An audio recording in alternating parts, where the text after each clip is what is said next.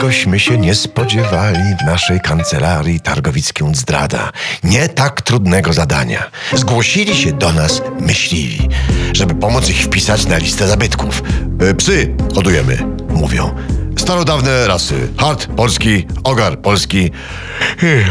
Tak, rozumiem. Ziewnął mecenas Targowicki. Bigos z dziada pradziada ważymy. e, Polski. Pięknie, wspaniale. Zgodził się redaktor zdrada, choć w niejakim roztargnieniu, bo akurat czytał w internetach, że Klarcia wiadomo czyja robi psi psi do nocniczka wysadzanego diamentami.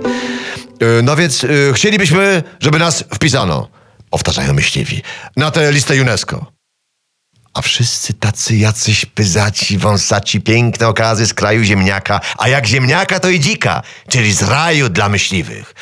I to też chcemy wpisać, że jak pragniemy zapewnić sobie sukces, dodają, to łapiemy ładne, podkreślają.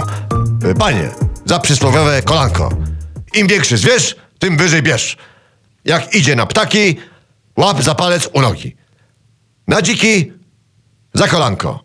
A na jelenie i łosie mówią złap za prosie, zamknij się. I tu zapadła cisza. Czy, czy to się ma jakoś rymować? Zamrugał Targowicki. A co jeśli na polowanie wybierze się kobieta? Zapytał z kolei zdrada. Y, kiedy idziesz na jelenie, złap kolegę za golenie, zaproponował Targowicki. A kiedy na kurkę, złap partnera za rurkę.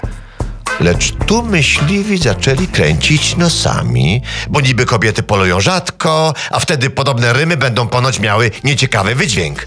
Więc tylko nad tą pierwszą wersją pracujemy, żeby ją faktycznie wpisać na listę zabytków.